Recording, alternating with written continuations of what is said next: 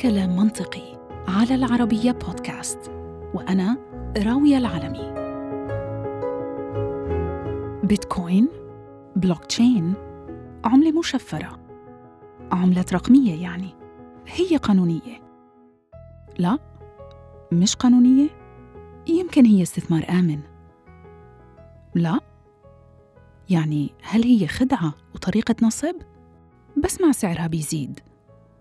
لا سعرها بالأرض إلى آخره. لو كنتوا مثلي الأمور المالية مش أقوى جوانب شخصيتكم. فرح يكون عندكم نفس شعوري لما حدا بيتكلم في هذا الموضوع أو لما أسمع خبر متعلق بهذا الموضوع سواء في الراديو أو التلفزيون أو في أي مكان. فلأجل نفسي وجميع الناس المنزعجة من عدم فهم شو قصة العملات الرقمية هذه قررت أبحث عن جذور بداية هذه الموجة وأحاول أفهمها وأبسطها لكل شخص حابب يفهمها. ورح يساعدنا على فهم العملات المشفرة بهاي الحلقة محمد الحسيني رئيس تحرير أخبار الاقتصاد في قناة العربية. تنويه بس. قبل ما نبدأ في حديثنا ومناقشتنا للعملات الرقمية منأكد على أنه إحنا لا نروج ولا ندعم ولا نعارض فكرة الاستثمار في هذه العملات. يعني إحنا لا مع ولا ضد. فقط نستعرض الحقائق المتعلقة في العملات الرقمية وأصل نشأتها. بصراحة حتى للناس اللي بتشتغل فيه بالضبط. بتسمعيهم بتحسي حالك إنك آه، هم كتير واثقين من حالهم عم بيشرحوا الأمور بسلاسة مطلقة بس إذا بالسؤال بتسأليه طب هذا شو يعني؟ أوكي إنه الناس عم بيسووا عمليات رياضية لحتى ياخذوا جزء من هالبيتكوين بس شو يعني؟ أوقات كتير بوقف الجواب عشان نفهم العملات الرقمية ضروري نعرف ولو ببساطة التكنولوجيا اللي بنوا عليها هذه العملات وهي البلوك تشين تكنولوجيا البلوك تشين في أبسط تعريفاتها هي نظام تسجيل معلومات بطريقة يكاد يستحيل تغييرها أو اختراقها. هي عبارة عن سجلات رقمية بتشبه دفاتر المحاسبين في أي عمل تجاري بيسجل أي تعامل مالي ما بين طرفين. ولكن دفتر المحاسب لا ينشر بالعلن بينما عملية التسجيل هذه بتم مشاركتها مع العامة من الناس وبمعنى أدق مع جميع الموجودين على هذه الشبكة سواء كانوا بضع آلاف أو حتى ملايين. الجهة أو الرجل المخترع للعملة الرقمية الأولى في العالم البيتكوين سمى نفسه أو أنفسهم بساتوشي ناكاموتو. أطلقها للعلن في عام 2008 ولغاية اليوم ما حدا عرف مين هذا الشخص أو هذه الجهة. في بداية الأمر وبالنظر لتاريخ إطلاقها بنلاقي إنه أجت كرد فعل على الأزمة الاقتصادية العالمية اللي عصفت باقتصاد تقريباً كل دول العالم. المتهم الرئيسي كان ولا يزال النظام البنكي في جميع الدول وخصوصاً وول ستريت وأمريكا. فالأفلام الوثائقية وحتى الهوليوودية منها اتهمت البنوك بالمسؤولية عن الانهيار اللي حصل. وحتى في بعض هذه الأفلام اتهمت البنوك في مرحلة معينة بإعطاء الشركات والأفراد قروض هم متأكدين من عجز المدينين من ردها. وعشان يزيدوا الطين بلة كانوا بيأمنوا على احتمالية عجز الشركات أو الأفراد عن السداد بالرغم من إنهم شبه متأكدين من ذلك عشان ياخدوا تعويضات التأمين. يعني عشان نقرب الصورة مثلا أنا ذهبت لأقترض من البنك. البنك بيعطيني قرض مع إنه عارف من الوثائق اللي أنا قدمتها إنه أنا غير قادرة على السداد. وبعد هيك البنك راح وأمن على القرض اللي أعطاني إياه مع إنه هو عارف إنه أنا ما رح أقدر أسد علشان يضمن فلوسه. وكتير من الخبراء الاقتصاديين أكدوا إنه هذا التصرف هو اللي أدى لانهيار النظام الاقتصادي العالمي في 2008 فأجت البيتكوين على حصان أبيض. لحتى تلغي فكرة حاجة أي طرفين بتبادلوا أي عملية تجارية مثل البيع أو الشراء مثلا من حاجتهم لطرف ثالث مثل البنك أو مكاتب الصرافة أو أي نوع من أنواع المؤسسات المالية.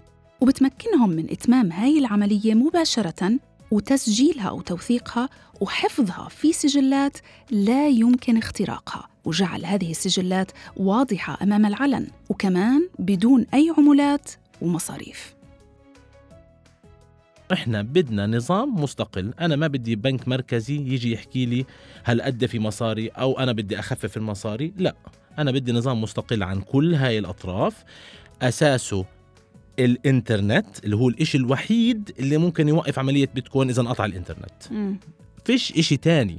ممكن يوقفه ما في جهة ممكن تيجي تحكي بتعرف شو؟ أنا بدي أوقف لك هاي العملية. ما في بنك مركزي يجي يحكي أنا مم لا هذه شكله في شبهة بهالمصاري هون. مم. هاي عملية ممكن تكون مثلا تبييض أموال.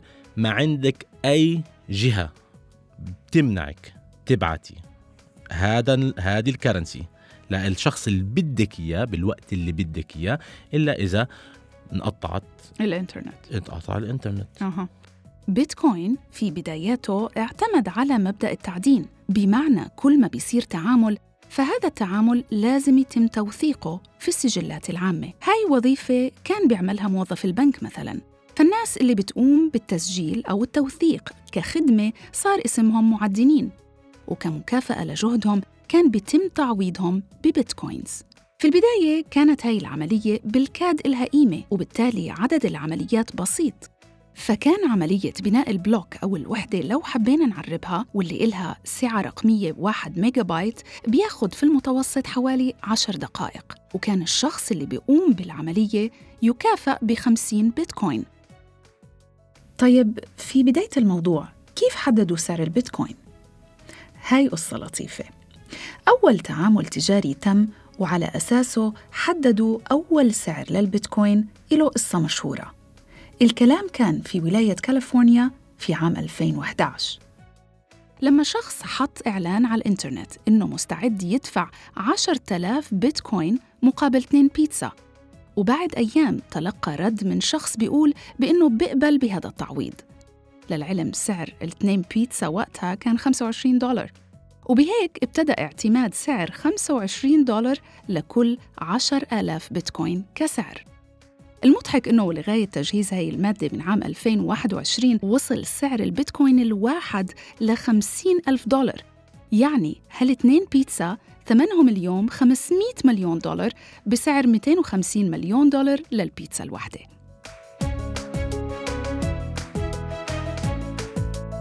ومع مرور السنين زادت المعاملات وتعقدت الخوارزميات فاليوم ما في أشخاص قادرين على عملية التعدين زي زمان نظراً لكمية الطاقة المهولة اللي بتستهلكها العملية والحاجة لكمبيوترات بمواصفات خاصة للقيام بالتعدين فصارت العملية بتصير على مستوى شركات متخصصة فقط طيب شو مشكلة البيتكوين إذن؟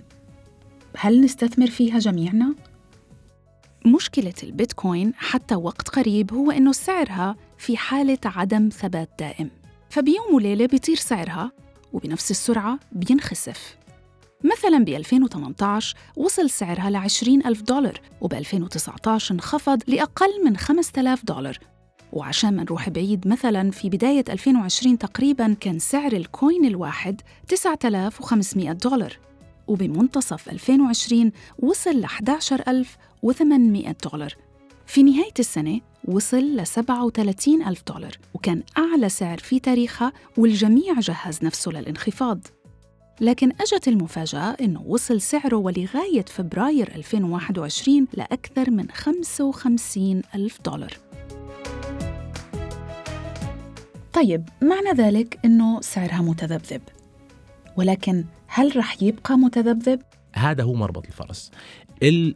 ب... إحنا لما نحكي ب finance يعني خلينا نقول إنه أول شيء بخطر في بالك Wall Street والبنوك الكبيره ب Wall Street. في توجه إنه والله يمكن لو قدرنا نسيطر على التذبذب أو التقلبات بالبيتكوين بنقدر نعتمد نعتمدها كمستودع للقيمة بشكل كتير أفضل من لو كان في كتير تقلبات. المهم بهذا الكلام هو التالي إنه إذا شفنا البيتكوين حركتها تقلباتها عم بتخف الادوبشن أو تبني المؤسسات المالية للبيتكوين حيزداد. البنوك لما الشركات والبنوك لما تدخل بعملية الشراء رح يصير في عامل مؤسساتي وزي ما هو بوضع بأسواق الأسهم كل ما دخلت المؤسسات الناس بيعتبروا إنه رح يصير التقلبات أخف. طيب كيف بنشتري العملات الرقمية؟ زي ما قلت قبل زمان كان التعدين هو الوسيلة للحصول عليها لكن بعد علو كعبها بس المؤسسات اللي صارت قادرة على التعدين والطريقة الوحيدة للحصول عليها الآن عن طريق شرائها من مواقع متخصصة بذلك وانتشارها على نطاقات أوسع بعد التشكيك فيها وانعدام وضوح موقف الدول والحكومات من قانونيتها وقانون التعامل فيها هاي كلها كانت معوقات تقريبا تخطتها العملة لكن السؤال اللي الناس بتسأله هو شو ممكن أعمل فيها بعد شرائها؟ من الواضح أنه الفكرة الأساسية كانت إنها تصير عملة كسائر العملات لكن محدودية تصميمها بطأت هذا الهدف خلوني أرجع شوي لورا. إذا كان بناء البلوك بياخد عشر دقائق زي ما قلنا. فتخيلوا عمليات شراء في كل دول العالم في نفس الوقت. طبعاً ممكن يحصل الآلاف أو عشرات الآلاف من العمليات في نفس الثانية. والحاجة للدقائق العشرة عشان نوثقها بيكشف قصور واضح. لو قارناها مثلا بمنتجات مالية مشابهة مثل البطاقات الائتمانية. البطاقات الائتمانية بتعالج أكثر من خمسين ألف عملية بالثانية الواحدة وبالرغم من أنه تكنولوجيتها يعني تكنولوجية العملات الرقمية بتتطور إلا أنه حتى توصل لهاي الدرجة من السرعة مثل مثيلاتها من العملات فما رح يكون استخدامها أو تبنيها دارج بالحد المطلوب. عشان هيك العالمين بأمور العملات المشفرة بيشوفوها وسيلة ادخار أكثر من عملة كاش مؤخرا مع هاي الحركات اللي عم بتصير بالسعر بلشوا الناس يفكروا على يفكروا يقولوا لحظة شوي أنا إذا بدي أشتري بيتكوين هو مش عشان أدفع فيها فنجان قهوتي لأنه أنا مقتنع إنه هذا ديسربشن يعني عملية ثورية بالنظام المدفوعات العالمي. أنا ما بدي أشتريها عشان بعدين أدفع فيها الحق فنجان قهوة ولا البيتزا. بشتري فيها سيارة أو بيت. وهم بقول لك المفروض انت هذا الحكي ممكن بعد 10 سنين 15 سنة. حاليا هو تخزين للقيمة بوقت العملات حول العالم يتم طباعتها بشكل خرافي. كبير. هل من الممكن إنه نوصل لمرحلة يصير فيها payment زي ما أنت حكيتي هل رح يكون التقنية عائق؟ ما حتكون عائق. وإذا نظرنا لها بهي النظرة مع فكرة أنه سعرها رح يضل يعلى تزامنا مع زيادة القاعدة المستثمرة فيها وخصوصا أنه تصميم نموذجها قائم على وصولها لحد معين من ال coins وبعدها بتتوقف فهذا بطريقة أو بأخرى بدخلها في خانة المعادن الثمينة كالذهب والفضة ومثيلاتهم. ولكن مع وعد أجمل. فبالرغم من التناقص الشديد لهذه المعادن مثل الذهب الناتج عن الاستخدام المكثف إلها وندرتها بالطبيعة إلا أنه الأمر ما بيخلو من اكتشاف منجم هون أو هناك لكن عدد البيتكوين رح يتوقف لما يوصل للرقم 21 مليون عملة أو كوين. وهذا ناتج عن معادلة حسابية بنيت من مرحلة التصميم والإطلاق. البيتكوين بالتحديد ك cryptocurrency هي اللي محدودة. م. لما بنطلع على اثر اللي هي عملة الإثيريوم for example العرض مش محدود. محدود لكن بيزيد سنويا بكمية معينة. بقية العملات المشفرة كل واحدة عندها خصائص مختلفة تماما عن الثانية شغلات بيشتركوا فيها شغلات كتير ما بيشتركوا فيها منها المحدودية. فلما نحكي على محدودية المعروض هاي شغلة مرتبطة بالأساس بالبيتكوين. للعلم بس. حتى بداية هاي السنة من عام 2021 عدد العملات المتداولة ما بين الناس تقريباً ما بين 18 ل 19 مليون بيتكوين واللي باقي أقل من 3 ملايين معنى ذلك لما يوصل الرقم ل 21 مليون شو ممكن يصير؟ هون الفكرة تبعت إنه ليش هذا هو عبارة عن store of value ليش هذا بعتبره إنه مكان يحفظ القيمة؟ لأنه على عكس العملات طبعا هذه برد بحكي الجواب اللي بتسمعي من ال crypto enthusiasts الناس المتحمسه بالكريبتو إنه أنا دولار ممكن البنك الفيدرالي الأمريكي يطبع ويطبع ويطبع ويطبع بلا نهاية. بالبيتكوين الماكسيمم نقدر نوصل له 21 مليون. وبالتالي لما كتير يزيد الطلب شو بده يصير بقيمتها؟ بيرتفع كتير أو بنزل كتير. كمان من الضروري نعرف أنه العالم منقسم لثلاث أجزاء حول قانونية اقتناء أو التعامل بهاي العملات. فالدول إما سمحت فيها أو رفضت وجرمتها أو وقفت على الحياد فلا وافقت ولا رفضت. ومن الدول اللي سمحت التداول فيها هي أمريكا، كندا، اليابان وأستراليا ودول الاتحاد الأوروبي. ومن الدول الرافضة رفضاً باتا كانت الصين وروسيا وفيتنام وبعض دول أمريكا اللاتينية مثل بوليفيا والإكوادور وكولومبيا. أما الباقي فكله واقف على الحياد. ولكن من نهاية 2020 لليوم فالبيتكوين ومثيلاتها بارتفاع مستمر وللعلم بس في آلاف العملات الرقمية وبعضها قوي ومطلوب لكن فعلياً أقل من عشرة منهم هم المتداولين.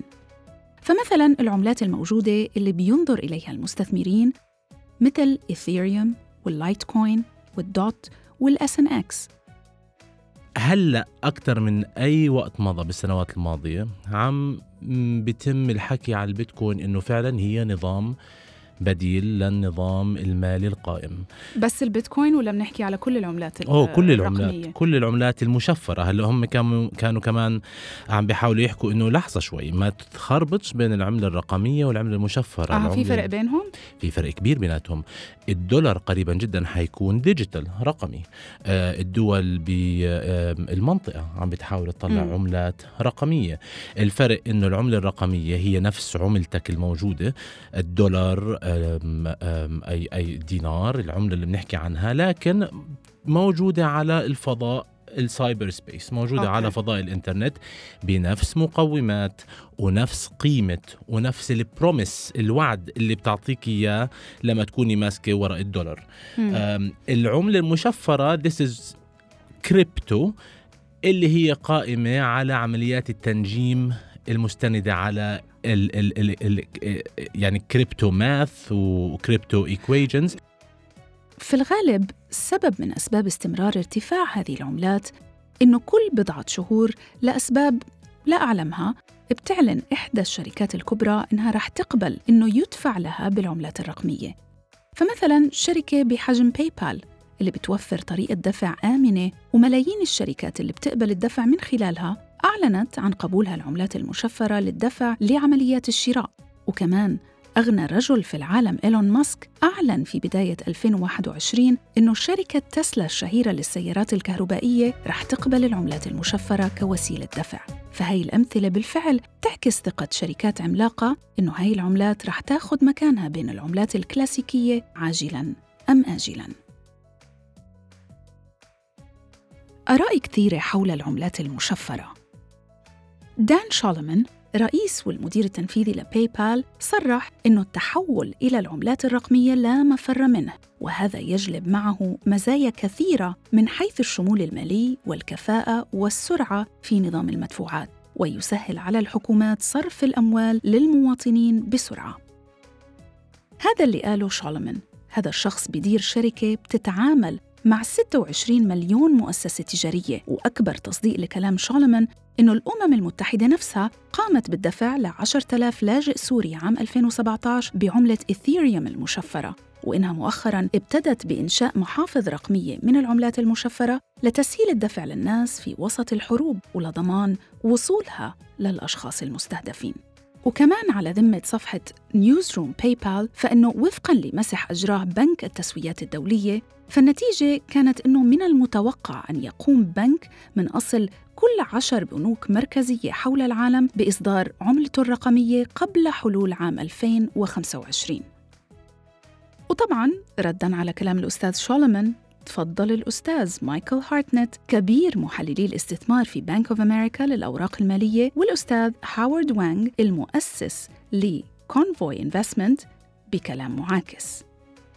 هارتنت صرح إنه عملة بيتكوين هي أم كل الفقاعات وقال إنه العالم مر بموجات مشابهة كالأسهم اليابانية في أواخر الثمانينات وسوق الأسهم التايلندي بمنتصف التسعينيات وقال إنه الهوس مش جديد بينما هاورد وانغ أشار إنه بيتكوين لا تمتلك أي دخل ولا أي قيمة جوهرية وإنه قيمتها مبنية على افتراضات بصعودها وإنها قد تنتهي بنتيجة كارثية. فالسؤال الأبرز في هاي المرحلة هو هل هذه العملات المشفرة فقاعة ولا استثمار آمن؟ كتير صعب بهذا الموضوع. أعتقد على أي حدا يجزم إنه أنا رأيي ثاقب يعني أنا متأكد منه. آه، كيف ال shifting sands هاي الرمال المتحركة؟ كل ما يجي خبر بحركك يمين بحركك شمال. آه، كلنا يمكن عضينا على آه، شفايفنا لما شفنا السعر وصل لل 58 ألف. أوف لو شريته لما كان 3000 وكلنا قلنا لما إجته الخسفة بال 2017 أو إذا والله 13 ألف دولار بيوم واحد بالنسبة لمعظم الناس هذه مصيبة. الرأي عم بتشكل. هلا زي ما بقولوا إنه there is sense in this madness يعني فيها الحكمه بهالجنون. هي كلها على بعضها فكرة بتحسيها إنه مجنونة مجنونة. بس again so many things were. الإيميل كان فكرة مجنونة. يمكن لهلأ الإيميل حدا بقول لك طب اشرح لي والله كيف ببع... كيف بوصلك الإيميل كيف أنا ببعته بوصلك؟ ما رح تقدر تفسريه. Is it a reality? It is a reality. اللي رح يحدد تراجع بالتقلبات اللي رح يحدد قديش رح نشوف إقبال من المؤسسات الكبيرة وهلأ بلشنا نسمع عنه على تبني فكرة من خمس سنين كانوا يقولوا عنها مستحيل أو من عشر سنين كانوا يحكوا عنها يعني حكي فاضي. وقديش الأشخاص العاديين زيي وزيك فينا لقدام حدا يقول لك بتعرف شو هالشغلة ب 200 دولار أنا ممكن أعمل تاخذي شوية حساب بيتكوين؟ انت على الاغلب من خمس سنين تقولي شو هالحكي؟ من عشر سنين no no بس هلا, هلأ يمكن فعلا ممكن. على مبالغ محدده يعني أقبض معاشي مثلا أو راتبي بالبيتكوين. خلينا let's hope for the best اذا هيك. إن شاء الله.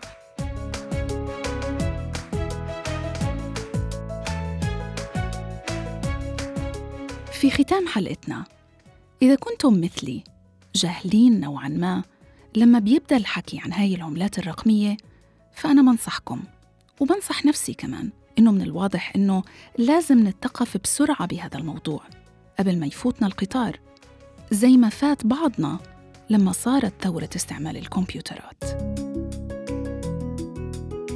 ألقاكم في الحلقة القادمة اللي رح نحكي فيها عن علاقة التوازن في بيئة جهازنا الهضمي مع صحتنا النفسية والعقلية. هذا كلام منطقي على العربية بودكاست وأنا راوية العلمي أشكركم ودمتم دائما بأمان بإذن الله.